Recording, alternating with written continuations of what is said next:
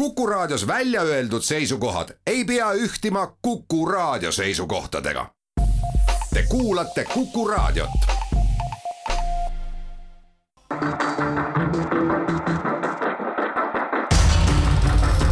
muuli ja Aavik. muuli ja Aavik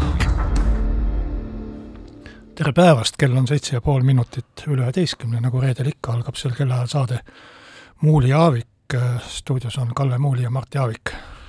tere, armas Eesti rahvas ja tuletan teile kõigile meelde, et sellel pühapäeval saab, sellel pühapäeval, viiendamal jaanikuu päeval saab sada kuuskümmend viis aastat mööda Postimehe esimesest teretamisest.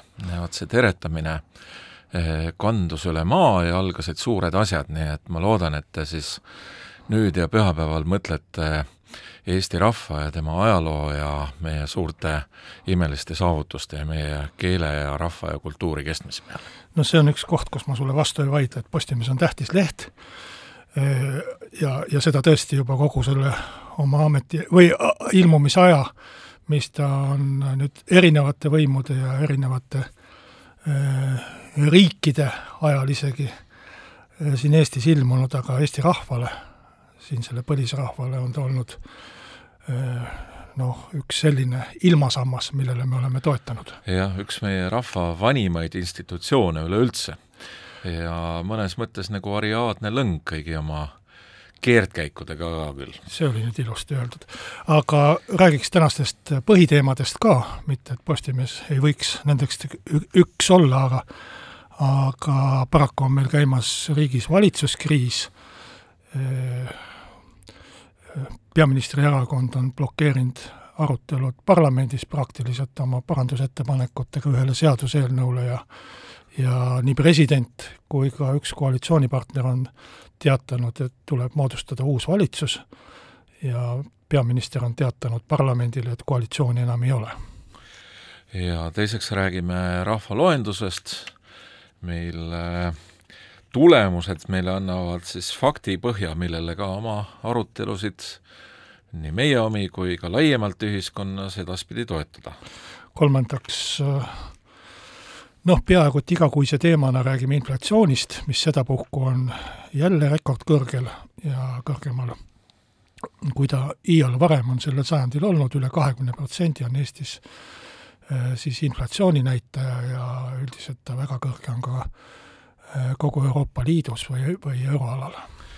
neljandaks vahetame mõtteid sellest, et haridusminister Liina Kersna on siis rahandusministeeriumi uurimise all nende asjaolude pärast, kuidas sügisel hangiti neid kiirteste, mille tulemusena jah, lapsed said siis koolis käia ja neid paar korda nädalas teha ja tuletan ka meelde, et Postimees nendest samadest sündmustest kirjutas juba siis, kui, siis kui need toimusid, aga uurimiseni on siis jõutud nüüd. noh, eks, eks ka meie viimane teema on teatud mõttes habemega teema, et nüüd, kui koroonapiiranguid peaaegu et keegi enam ei mäletagi, langetas halduskohus, Tallinna halduskohus siis otsuse, millega andis õiguse viiekümne kuuele kaebajale, kes siis vaidlustasid koroonapiiranguid, vaktsineerimispassiga seotud piiranguid, ja veel enam, halduskohus leidis, et äh, äh, paljud õigusnormid on põhiseadusega vastuolus ja pöördus selles küsimuses ka Riigikohtusse, et Riigikohus seisukoha võtaks. muuli ja Aavik. aga alustame siis valitsuskriisiga. Mõned asjad ma lugesin siin juba ette, teateid koalitsiooni lakkamisest peaministri suust ja ja, ja ka presidendi sekkumisest ja, ja rõhutamisest, et vaja on toimivat koalitsiooni, noh see on meile kõigile selge. kui nüüd vaadata konkreetsemaid sündmusi Riigikogus, mis äh, seondusid siis äh, lastetoetuse tõstmise seaduseelnõu esimese lugemisega, mis on palju tüli, tekitanud valitsuses, siis seal juhtus kaks asja, mida võiks ära märkida, üks on see, et äh, sotsid võtsid oma allkirjad äh, seaduseelnõu esitamise paberilt tagasi, noh vähemalt siis äh, sõnades, sest reaalselt ju neid kustutama ei minda. ja teiseks, Reformierakond esitas pärast esimest lugemist eelnõule siis kaks tuhat parandusettepanekut, mis tähendab seda, et sisuliselt valitsuse juhtivpartei blokeeris ka oma eelnõude menetlemise Riigikogus, sest niikaua, kui nüüd arutatakse neid kahte tuhandet või hääletatakse neid kahte tuhandet parandusettepanekut, mis Reformierakond esitas, ei saa ju ühtegi teist seaduseelnõu ka arutada. puht, puht võimatu on sinna vahele midagi võtta, sest ühe arutelu käib. et sellist, noh, sotsidest mul ei ole midagi palju ütelda, et sotsid on nagu sotsid ikka, et mees annab sõna, mees võtab sõna ja, ja eks siis vaatab, kuidas edaspidi saab nende allkirju või, või sõnu üldse uskuda. aga Reformierakonna käik on küll enneolematu, ma ei ole nii noor ajakirjanik, et, et iga asja peale karjuksin ajalooline ja enneolematu, aga sellist asja pole Eesti parlamendi ajaloos juhtunud, et kas sa ütleksid, maailm pole enam endine selles mõttes küll, et üks miljoniline osa maailmast ei ole endine, aga aga see, et peaministripartei lõpetab äh, parlamendis kõikide seaduseelnõude arutelu peale ühe, et see, see on tõesti enneolematu ja, ja ei mahu nagu terve mõistuse raamidesse. E, tõepoolest, et on see selline täiesti zombilik olukord, et on valitsus ja ei ole, eks ole, on koali-, või täpsemalt, on koalitsioon või ei ole. aga ma arvan, et tuleb olla ikkagi õiglane, et eh, ega siis nüüd eh, selline käik, et eh, minna oma koalitsioonipartneri selja taga tegema suure eelarve mõjuga otsuseid ilma kokku leppimata, ei ole ju ka mingisugune asi, mis mida tõepoolest saaks nimetada nagu normaalseks koalitsiooni toimimiseks. et ta on läinud nagu iga käiguga veidramaks ja nii palju, kui nüüd siin Postimehe uur-, usinad poliitikareporterid ja ma vaatan, et ka teistele on umbes sama juttu räägitud, räägivad, et Reformierakonna käik oli siis äh, mõeldud selleks, et aega maha võtta ja milleks seda aega vaja maha äh, võtta? Kas Kadriorgu minek võtab nii kaua aega, et ei jõua nagu ära sõita või? sa, sa arvad, et nad peaksid, peaminister peaks kohe tagasi astuma, eks ei, ei, ma, ma ei arva, et peaminister peaks tagasi astuma. on ka muid võimalusi, aga käik peab tulema peaministri poolt, see on selge. et tema vastutab valitsuse koostöövõime eest, see koostöövõime on lakanud, ta on ise läinud parlamendi ette ja teatanud, et koalitsiooni enam ei ole. temale on antud volitus valitsuse moodustamiseks, ta peab nüüd midagi no, tegema. ta võib et... minna äh, Kadriorguga selleks, et, et viia Keskerakonna ministrite äh, lahkumisavaldused sinna või palve neid vabastada. ta võiks igasuguseid asju teha, eks ole, aga nüüd nad on valinud mitte võiks, vaid peab. Nad on valinud sellise absoluutselt veidra eh, tee, eks ole, siis selle koalitsiooni või, või formaalseks elus hoidmiseks. ja ei oska kõrvaltvaatajana küll muud öelda, et kumbki ilmselt ei taha olla siis eh, saada seda koalitsiooni lõhku ja ja lõpetaja au endale, mida peaminister kindlasti poleks pidanud tegema. et eh, loopima ultimaatumeid ja ähvardusi, mida ta lõpuks täide ei vii. et ma arvan, see on nagu selline poliitiline eh, veidrus ja võimalik, et ka võimalik, et ka koalitsiooni kooshoidmisel või no mis võimalik, ongi niimoodi, et kas ühtpidi mängitakse tangot küll kahekesi, eks ole, aga, aga lõpuks hinnatakse ikkagi seda peaministrit, kes suudab või ei suuda hoida oma koalitsiooni käes. Ja kui mõelda tagasi peaminister Ansipile, keda küll ka aja, ajalehed hurjutasid hommikust õhtuni, kaasa arvatud minu kaasosalusel, kui ta oli peaminister, aga noh, see on üks näide, kuidas ka Eesti süsteemis on võimalik koalitsioone koos hoida ja püsida ja, ja nii edasi. see on, see on see hea teema, mis sa kergitasid, et et mulle ma... isegi, mulle isegi tundub nagu vaadates seda Ratase eelmist kahte kooslust, et võib-olla Ansipi parem õpilane selles asjas on olnud Jüri Ratas kui Kaja Kallas. ma tahtsin tuua näiteks ka äh, Reformierakonna eelmise valitsuse, Taavi Rõivase valitsuse. see lõpetas ju samamoodi, et koalitsioonipartnerid jooksid äh, kabuhirmus minema Jüri Ratase juurde, et Jevgeni Ossinovski, sotsiaaldemokraat ja Margus Tsahkna, kes IRL-i juht tol ajal olid, need ju põgenesid esimesel võimalusel sellest koalitsioonist et Reformierakonnal on tõsine probleem oma partneri, partnerite kuulamisel ja oma partnerite huvide arvestamisel. ja kui sa mõtled nüüd tagasi Ratase valitsuse peale, millest sa, mida sa mainisid, ja mis lahkus siis kaks tuhat kakskümmend üks jaanuaris, siis see ei lahkunud ju tülide tõttu, omavaheliste partnerite tülide tõttu selles mõttes hoidis Ratas valitsust väga hästi koos. me mäletame tema käike Martin Helme suvilasse, kus pildistati ennast koos mänguautoga pärast seda, kui Elmar Vaherit oli tahetud lahti. Ratas läks ja lahendas konfliktid ära. ja, ja hoidis oma partnereid koos et eelmine valitsus ju astus tagasi nii, et partnerite vahel mingit tüli ei olnud, lihtsalt no. Ratasel oli kriminaalasi Keskerakonna aga... vastu ja, ja oligi kõik. vaat-, vaatame nüüd ikkagi seda teist poolt ka, eks ole, et kindlasti on õigus, et, et kes on kapten, eks ole, tema lõpuks vastutab. ja ega ei saa oodata, et kõik on jõle sõbralikud kuidagi iseenesest ja, ja toetavad, et kõik me, kes me oleme kuskil midagi juhtinud, on ju selge, et et mõnes mõttes oled sa alati ikkagi üksinda, eks ole, et sa pead pingutama, et oma meeskonda koos hoida ja nende omavahelisi tülisid lahendada ja ja, ja kõike klaarida aga eh, et ega lõpuks ju Jüri Ratasel ka mingisugust eh, erilist tahet ega Keskerakonna sel fraktsioonil ei ole olnud, eks ole, seda mängu koos hoida.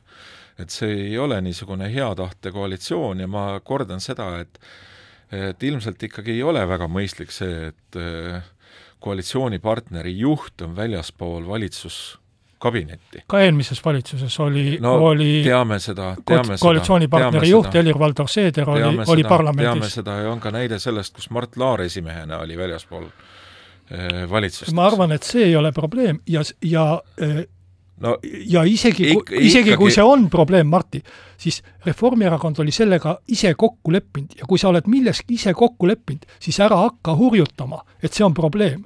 See tuleb lahendada laua taga siis kokkuleppega, aga, aga nad olid ise sellega leppinud. aga mis ma tahan ütelda, on see, et see on üks asi, kuidas valitsus lagunes. nüüd on see koalitsioon, peaminister on teatanud, et seda koalitsiooni ei ole enam. nüüd on tema käik, ta võib leppida vahe, vähemusvalitsusega, ma ei ütle, et ta peaks tagasi astuma. ta võib asuda moodustama uut valitsust, mis iganes, aga tema käik on, ta ei saa ütelda, et kuulge, Keskerakond eskaleerib ja mina ei saa mitte midagi teha. no see ei ole nii. aga tegelikult, kui sa vaatad praegust, praegusi, praegust olukorda, siis ei ole tehtud veel ühtegi sellist sammu, mida ei saaks tagasi võtta. kõik on ainult sõnad, tegelikult tegusid ei ole. ja sellest mina järeldan, et kramplikult püütakse ikkagi sedasama koalitsiooni veel koos hoida, mis tegelikult on kaotanud ammu töövõime, kaotas juba möödunud sügisel. Et see on äh, minu meelest Eestile päris halb ja ohtlik olukord, kus äh, riigivõimu sisuliselt ei ole, aga teda hoitakse niiviisi kunstlikult koos ja nüüd, kui me küsime, et et äh, Jüri Ratast väga palju süüdistati eelmise valitsuse ajal, et hoiab, hoiab oma kohast kinni ja, ja hoiab oma toolist kinni. kes praegu siis oma toolist kinni hoiab? lihtsalt ei juleta otsustada. Otsustusvõimetus on see, selle asja nimi, mis praegu meile vastu vaatab. et mina soovitaks küll peaministril julgelt tegutseda, temal on reaalne koalitsiooni võimalus teha uus, uus valitsus, ma arvan, et Ratasel hmm. seda võimalust ei ole või vähemalt tahet ei ole et äh, kui Ratas tahaks saada peaministriks, siis tal see... oli kuus võimalust maikuus võtta see valitsus maha ja teha, teha uus valitsus. see on see asi, mis ma tahtsin sinult küsida, et lõpuks ei ole see ju mitte lihtsalt poliitikaanalüütik, vaid vaid Isamaa erakonna juhtivfiguur Helir-Valdor, Valdor Seederi kõrval või vähemalt oled seal paljude arutelude juures, nii nagu ma olen aru saanud et on siis Isamaa valmis Reformierakonnaga koalitsiooni minema või ei ole, et ma loen siin Facebookist ja igalt poolt erinevaid igasuguseid ka sõnadega vehkimisi, et ega ma lõpuks aru ei saa, et on teil tahe koalitsiooni minna või ei ole? ma jälgisin äh, meie fraktsiooni äh, koosolekut äh,, mis oli pärast seda lastetoetuse eelnõu lugemist ja, ja pärast seda kui, kui, kui kõik need sündmused, mida me kirjeldasime, olid siin ära olnud, ja ma võin ütelda sulle seda, et Isamaa fraktsioon ei ole isegi arutanud mitte, mu fraktsiooni kooslased, kaaslased kindlasti pahandavad nüüd, et ma natukene avalikustan kinnise koosoleku asju, aga, aga me ei ole isegi arutanud Isamaas, fraktsioon ei ole isegi arutanud seda, kas minna valitsusse või mitte, sest keegi ei ole meile seda pakkunud. Mitte kumbki pool ei ole meile pakkunud äh, valitsusse minekut. Järelikult ei ole meil ka midagi arutada. ja, ja, ja, ja, ja nii ongi, et selles mõttes noh, ei ole, kui, kui ei ole arutelu, siis ei ole ka seisukohta.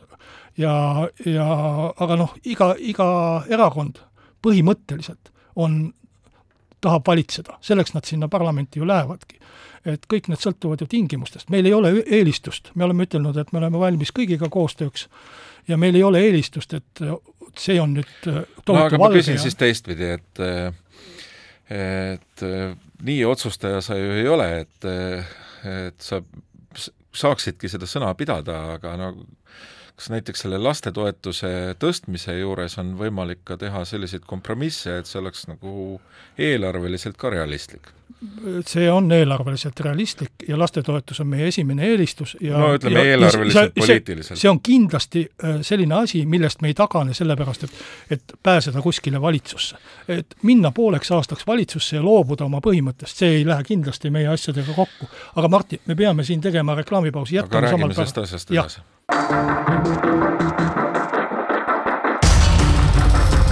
Muuli ja Aavik. muuli ja Aavik.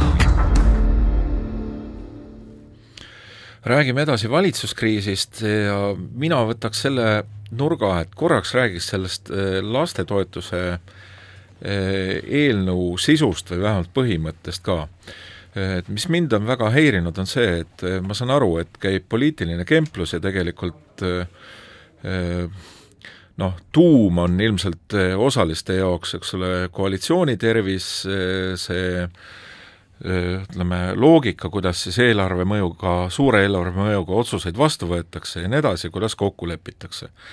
aga mis mind on tõsiselt häirima hakanud, on see, et et selle käigus esitatakse nii palju argumente, mis ei ole tegelikult no ju tegelikkusega kooskõlas. justkui oleks lastetoetuste tõstmisel mingisugust mõju olnud näiteks sündimusele, justkui oleks tegemist mingisuguse tal on mõju olnud? tal on mõju olnud äh, kolmandate ja järgnevate laste sünnile, täiesti selge, me ja, jõuame sinna ja, ka ja koroonakriis äh, nullis selle mõju ära. Äh, jah, ja tulevad välja noh, ütleme need argumendid, mida me oleme alati kuulnud läbi aastakümnete, kui keegi üldse julgeb mingisuguse rahvastikupoliitilise või ütleme, sündimusteemalise diskussiooni üles tõsta. et eh, kui me jõuame sinna eh, rahvaloenduse juurde, siis me näeme seda, et eh, noh, võimalik, et tegelik probleem nagu on meil hoopis mujal, näiteks äh, sünnitusea edasilükkumises, mis on normaalne, eks ole, ja nende inimeste osakaalu kasvus, kes üldse ei saa lapsi. aga see pakkumine, et aitame peresid, aitame suurperesid, on ju hoopis midagi muud kui kellegi sundimine või meelitamine millekski, eks. et see on absoluutselt inimlik, normaalne, ka minu meelest isegi nagu kultuurisõdade temaatikas äh, mõttes võiks olla neutraalsena käsitletav, aga ometi kleebitakse sellele jälle silti külge, et te tahate teha midagi ebainimlikku, sundida kelleks, kedagi millekski, mida nad ei taha või midagi. no ütle, üt, ütle nüüd veel see lause ka, et tahetakse, valitsus tahab lapsi osta või, või valitsus Isamaa... tahab lapsi osta, teha naisi sünnitusmasinateks ja nii edasi. ei, vastupidi, et äh, see on nüüd see, mida, mida, mida Reformierakond ja. tegelikult meile räägib, eks ju. aga nad ei peaks seda juttu rääkima, et see loogika on ju hoopis milleski muus ja loogika on selles, et läbi aastakümnete me teame, et inimeste uuringutes öeldud lastesoovi arv on suurem, kui nad lõpuks saavad, eks, ja see on inimeste toetamine nende soovide täitumisel, mitte sundimine. Martti, sa ei pea seda mulle siin ma ei seleta sulle, vaid ma sa, räägin sa murrad lahti, nii lahtisest uksest sisse, et ma räägin sa..., ma räägin sellest, et tegelikult ju kompromissi koht ja ja kokkuleppimise koht ja ka maailmavaateline võiks täiesti olla, et Reformierakond on ise ju olnud paljude niisuguste pronatalistlike poliitikate eestvedaja ja ei tasu ennast retooriliselt äh, mässida sellisesse äh, kookonisse, kus nad ei saa justkui nagu ilma neid sõnu või pläh-, välja plähmerdatud juttu murdmata tulla kaasa. äh, selle lastetoetuse tõusmisega Sõnad, või vähemalt vaidlustega. sõnades on nad muidugi mida... väga, väga osavad ja küll nad saavad sõnades, aga, aga, aga see, mis sa ütlesid, et Reformierakond on olnud, see on õige ajavorm. see on enne minevik praktiliselt, millal see Reformierakond on olnud, see oli Siim Kallase ajal oli, oli see ja ma rõhutan, et see on see on tegelikult nagu tervemõistuslik lähenemine, et ühiskonnad ei saa püsida eh, ütleme, kahanemise kursil, et me võime seda nimetada kestlikuks kahanemiseks või milleks iganes, eks ole. aga meil on vaja seda üleüldist sündivuse toetamist ja tõstmist see tuleb ka selgelt välja öelda ja ei maksa seda häbeneda ja ja kogu aeg kuidagi sildistada. loomulikult on vaja. et lo-, ja, ja loomulikult ei välista ka üksteist, et, et see ei tähenda, et me ei peaks kunstliku viljastamise probleemidele tähelepanu pöörama või või mis on tegelikult minu meelest väga oluline, mis on jäänud tähelepanu alt välja, võib-olla et isegi Isamaal, kes nii palju selle pärast muretseb, on jäänud tähelepanu alt välja, on see, et võib-olla peaks toetama äh, varasemat sünnitust, et sünnitusiga tuleks ettepoole. et see annab väga palju äh, rahvastikule juurde äh, automaatselt, ilma et Selle... laste absoluutarv äh, noh, ühe ja. naise kohta suureneks. inimeste, ma arvan, selle võib-olla peab lihtsalt, kuidagi proovin lihtsalt ära seletada, et et kui sünnib viis põlvkonda sajandis või neli, selle tegelikult alguse, sünnitusea alguse vahe on eks ole, viis aastat, kas see on kahekümnes eluaasta või kahekümne viies. ja loomulikult kultuurilised tegurid, eks ole, meie elu käigus, mis suunavad seda pere loomist edasi hilisemasse ikka, aga nüüd on küsimus, et võib-olla oleks äh, tõesti vaja mingisugust poliitikat, mis äh, soodustaks või julgustaks inimesi seda laste saamist eh, tegema varem, sest ülejäänud kultuurilised tegurid, meie ühiskond vananeb, meie elukaar pikeneb, suunavad kõik sinnapoole, et lapsepõlv pikeneb ka justkui, eks ole. ja see ei ole ainult paha, aga kogu rahvastiku mõttes ei ole hea. ja kui midagi saab teha, et anda noortele, noorematele kindlust juurde, eh, et ka karjääri alguses ilma väga suure palgata ikkagi julgetaks lapsi saada, siis ma arvan, sellised poliitikad oleksid mõistlikud. no tulles nüüd tagasi selle äh, jutu juurde, mida sa vahetult enne reklaamipausi rääkisid, siis äh, need on need asjad, millest me mingi valitsuskoosluse pärast või sellepärast, et kas olla opositsioonis või valitsuses või kellega olla valitsuses, äh, kindlasti ei tagane. see lastetoetuse seaduseelnõu on meie jackpot. Kaja Kallas, peaminister, ütles seda väga õigesti ja see on meile kõige tähtsam asi. teised asjad on täiesti kõrvalised võrreldes sellega, kujutad ette, olla pool aastat kas valitsuses või opositsioonis, no mis asi see on?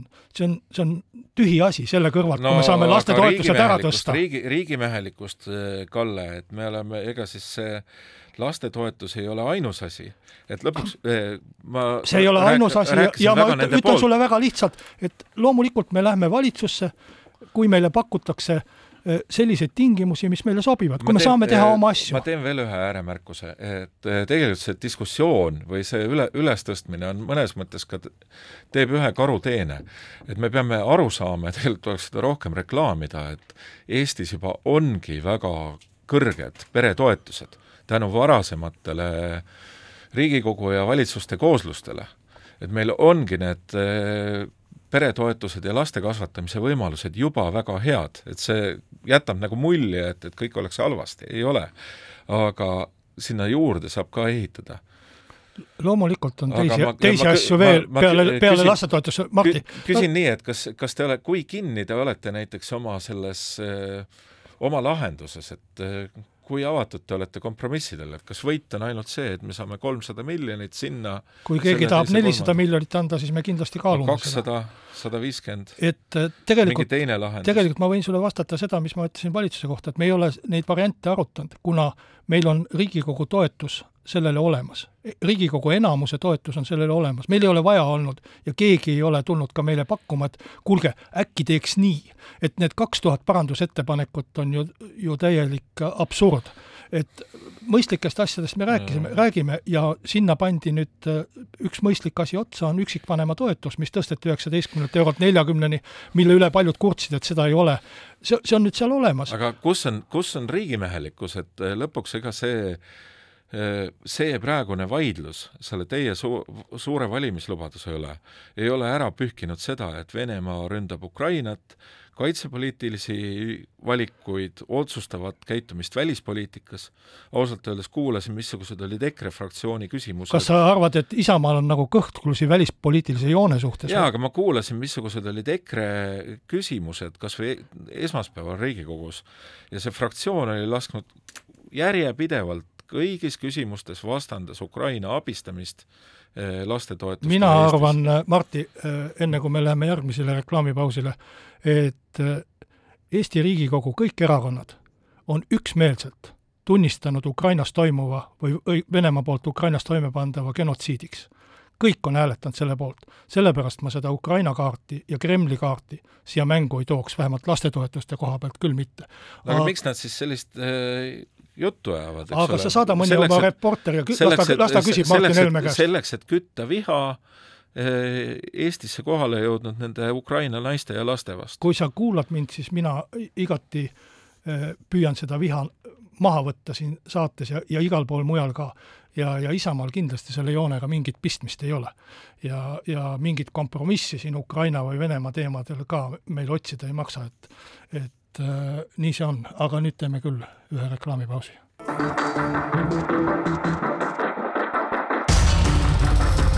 muuli ja Aavik. muuli ja Aavik.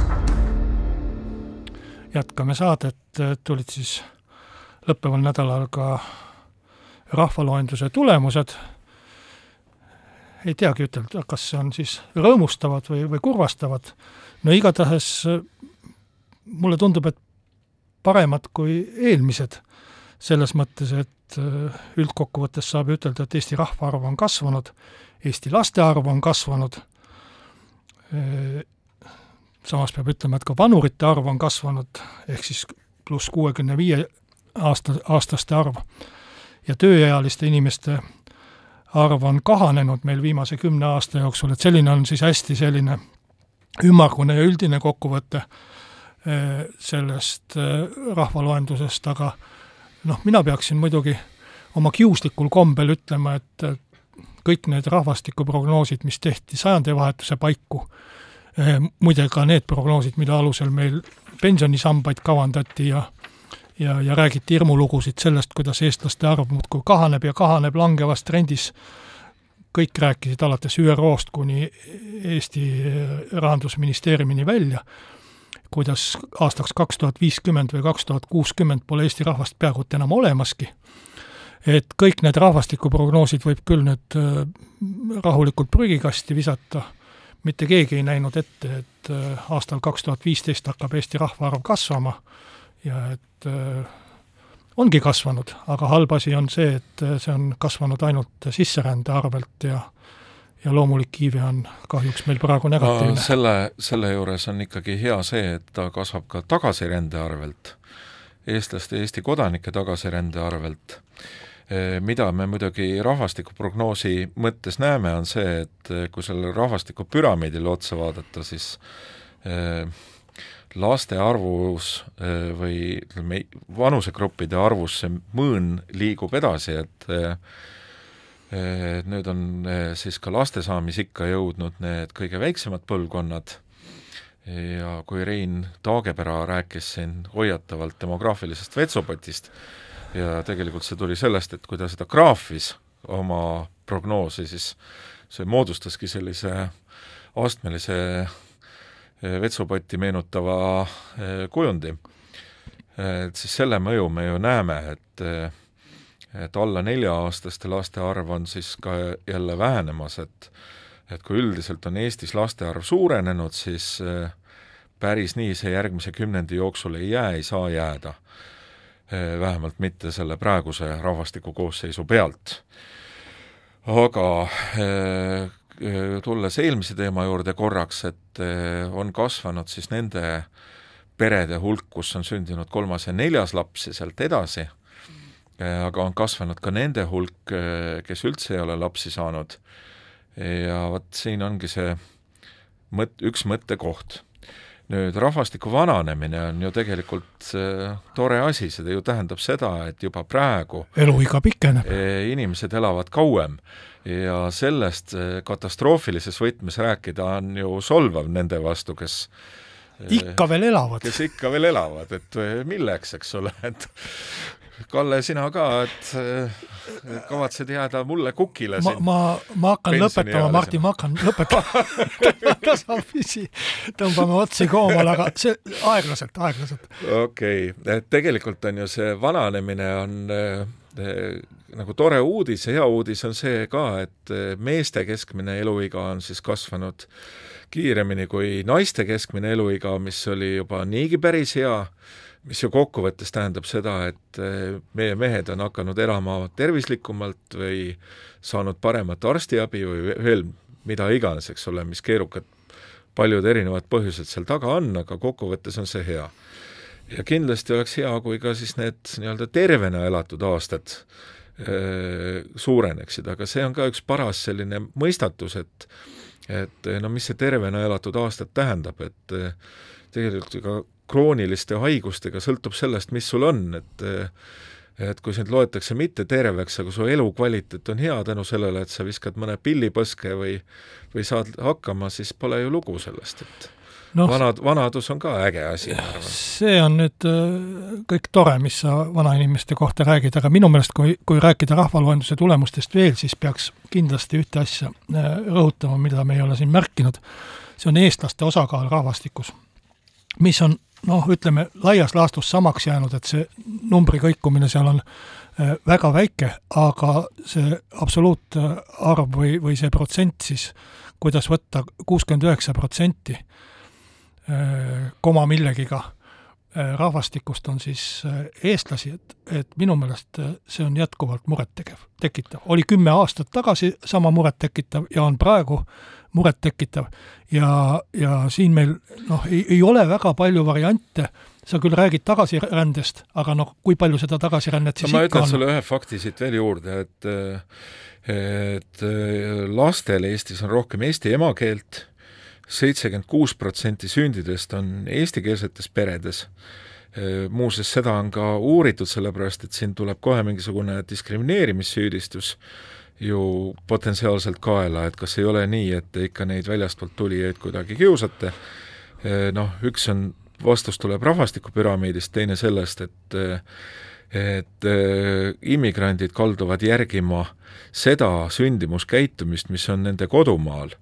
Ja kuna ka Venemaal ja Valgevenes on sündimus madalam oluliselt kui ütleme, Eesti peredes, siis lihtsalt nii on, et eh, Eesti venelased järgivad selles asjas pigem oma nagu lähtekultuuri kui Eesti kultuuri. jah, aga see seitsekümmend kuus protsenti, ma arvan, Marti, see ei aita meid äh, sellele lähemale, et eestlaste osakaal rahvastikust kasvaks. ja ma arvan, et see peaks no, rõhutan, peaks, peaks olema nii, ükskõik kui diskrimineerivaks seda nimetad, aga, aga me peaksime saavutama siiski eestlaste loomuliku iibe tõusu. ja, ja ma seda sulle ju räägingi, et kui rahvastiku osakaal on eestlastel veidi alla seitsmekümne protsendi, ja sündidest või laste arvust ligi kaheksakümmend protsenti või seitsekümmend kuus protsenti, vabandust, et siis see ju, protsess ju see, toimibki. see on, see on, see on nii väike erinevus ja nii väike kasv, et selle pealt noh, praktiliselt kui keegi jälle järgmise majanduskriisi ajal natuke välja rändab, siis ongi kõik Äh, meil selle rahvaga, et selles mõttes ma arvan, et, et see, mis praegu Riigikogus toimub lastetoetuste blokeerimisel ja, ja selle seaduse lihtsalt materdamisel äh, peaministri erakonna poolt, et see on täiesti arusaamatu olukorras, kus noh, võtad mustvalgel lahti kuuskümmend üheksa protsenti. sellest me juba rääkisime pikalt-laialt, eks ole. et äh, aga ma olen sinuga nõus, et äh, et meil on ju need argumendid jäänud ka samaks, et et põhimõtteliselt on meil eksistentsiaalne küsimus, eks ole, ja see eksistentsiaalne küsimus seisneb selles, et et me oleme omamoodi suur ime, noh, Postimees tähistab saja kuuekümne viiendat aastapäeva ja puha, eks ole, aga et me oleme omamoodi suur ime nii väikese no ütleme, tegelikult maailma tippkultuuris püsiva rahvana. Ja me ei saa endale lubada sellist eh, eestlaste arvu ja oma kultuuri kandjate arvu langemist, sellepärast et me ei tea täpselt, kust hakkavad ära langema erinevad, põhimõtteliselt erinevad turud, eks ja eelkõige ma pean silmas nende turgude all ju tegelikult võimet kultuuri luua ja seda üleval pidada, seda kultuuri osta ja olla nagu maailma kultuurrahvaste peres selline osaline, nagu me tahame, tegelikult nagu meie järeltulijad ka tahavad ja nagu me ise tahame.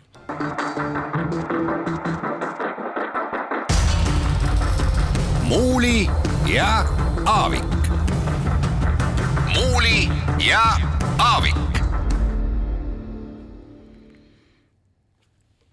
Jaa, räägime edasi siis oma saates sellest, et milline on inflatsiooni tase ja arvud on ehmatavad, et eh, tegelikult kogu euroalal ja veel eriti Eestis, kus siis see aasta-aasta võrdluses inflatsioon on lausa kaks korda kõrgem. no eh, asjatundjad on meile e-, ette toonud mitmeid põhjusi esimene, miks Eesti just nii, esimene on see, et eh, Eesti ostukorvis siis, mida võrreldakse, on kodukuludel ja energiakuludel suurem osakaal kui eh, paljudes teistes euroala riikides, mis on kas rikkamad või lõuna pool, teiseks on Eesti taastumine sellest koroonakriisist olnud väga kiire, eks ole, mis tähendab seda, et et inimestel on, on olnud palju vaba raha, millele siis kauba vastust ei tule, eks ole, aga see no on kõik ette teada jutt. Et eh, minu arvamus eelmisest sügisest või ütleme, tegelikult juba pikemalt on olnud see, et eh, et meil on kaks pikaajalist või ütleme, keskpikka probleemi, üks on eh, Venemaa ja sõda ja teine on see, kuidas siis juurpõhjusena ju nagu sellest, mida me teadsime ette, eks ole, et see rahatrüki maailm peab kunagi inflatsioonis väljenduma hakkama. Ilmselt see Covidist taastumine siis sai selleks käivitajaks ja nüüd veel sõda otsa, et kuidas siis selle maailmaga hakkama saada, kus äh, inflatsioon on palju kiirem. hinna inflatsiooni..., Martti, mind nii häirib see, kui hinnatõusu põhjendatakse Venemaa ja sõjaga, et ma pean siin sekkuma ja ütlema, et see on üks noh, viisakalt öeldes udujutt, aga äh, jõhk-, jõhkrama võiks ütelda, et see on üks eh, keskpankurite vale. tegelikult selle hinnatõusu põhjus on rahatrükk. ja sellest ma ju alustasin. sellest, sa alustasid Venemaast. ja, ja siis jõudsid selleni, et Venemaa, Venemaa võime ootan. täiesti kõrvale jätta. kuidas me ta kõrvale saame jätta? et see puudutab ju energiakandjate hindu, see puudutab eh, tarneahelaid ja nii edasi ja nii edasi. et otse loomulikult on see üks käivitama, käivitav või nagu päästikumehhanism. Venemaa, Venemaa, Venemaa ei puutunud üldse asjasse eelmine sügisel, kui Eestis oota oota korraks. oota ise on... korraks oota nüüd sina et, et Venemaa eh, ei puutunud üldse asjasse, kui eelmisel sügisel meil elektrihinnad hakkasid tõusma kuidas sai Venemaa Nord Pooli äh, mõjutada? lihtsalt, lihtsalt tead, Putin posis kuskil Kremlis või? aga, aga kui sa tahad vaadata Venemaa mõju äh,, siis trükkige ajalehes aeg-ajalt ära ka inflatsioon nendes maades, kus eurot ei ole, aga mis asuvad Euroopas vaata, mis inflatsioon on Šveitsis, kus on Šveitsi frank.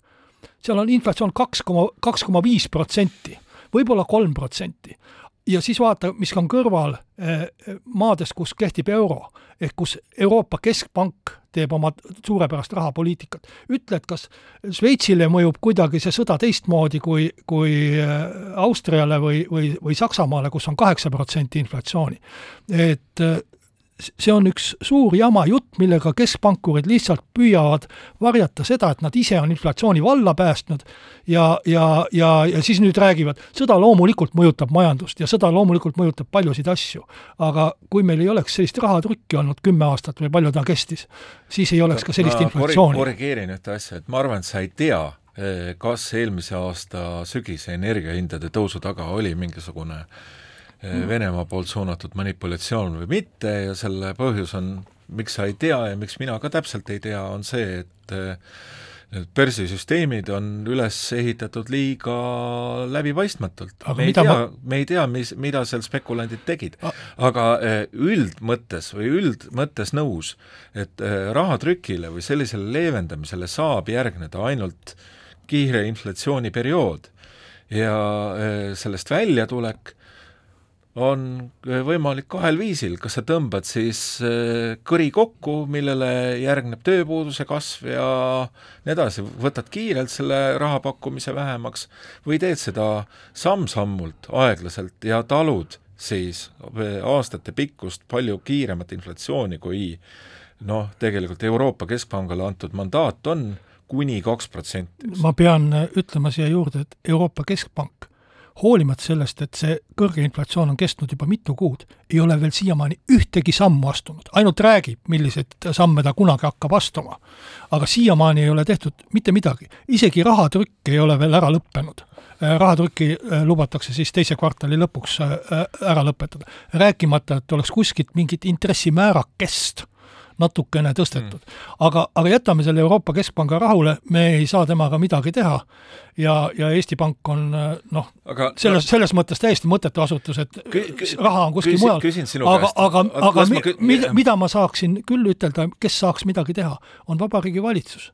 ja valitsus ei ole tegelikult mitte midagi teinud no ühtegi asja. mida ta saaks teha?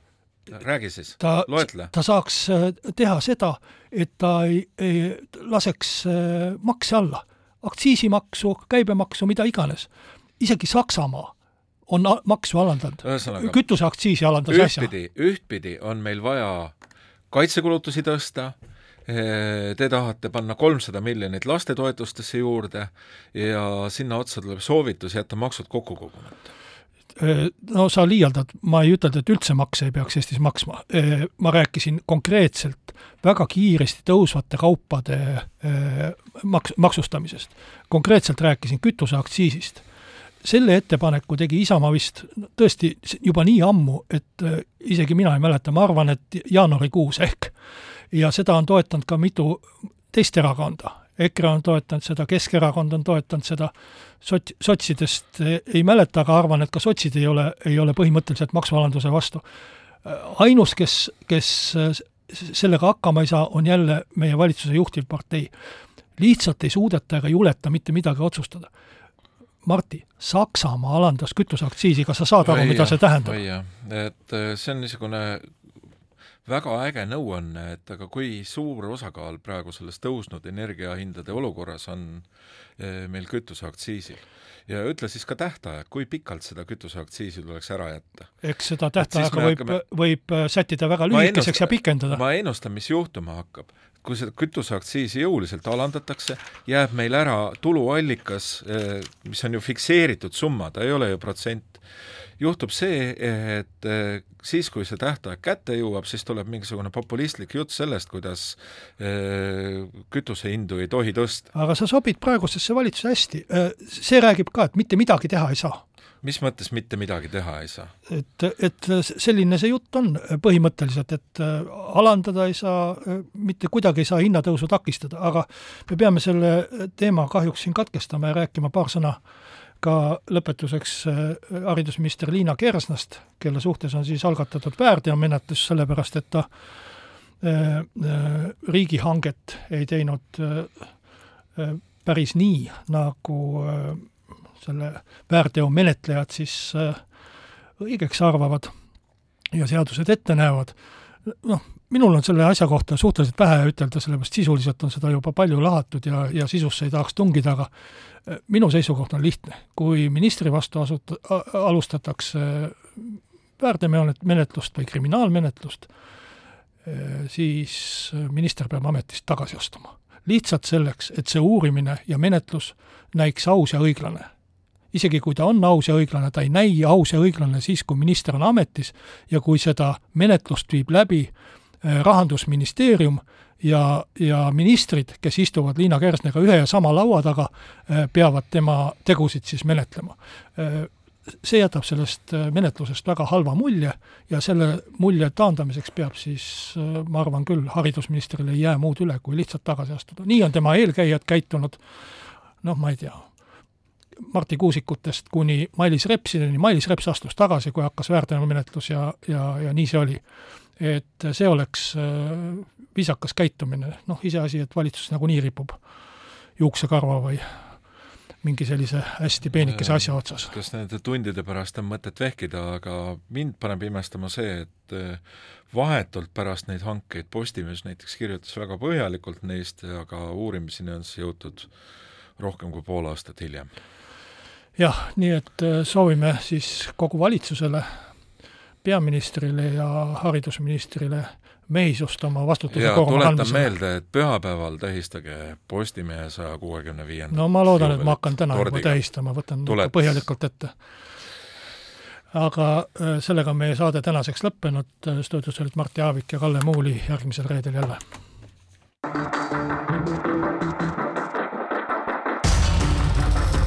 Muuli ja Aavik. muuli ja Aavik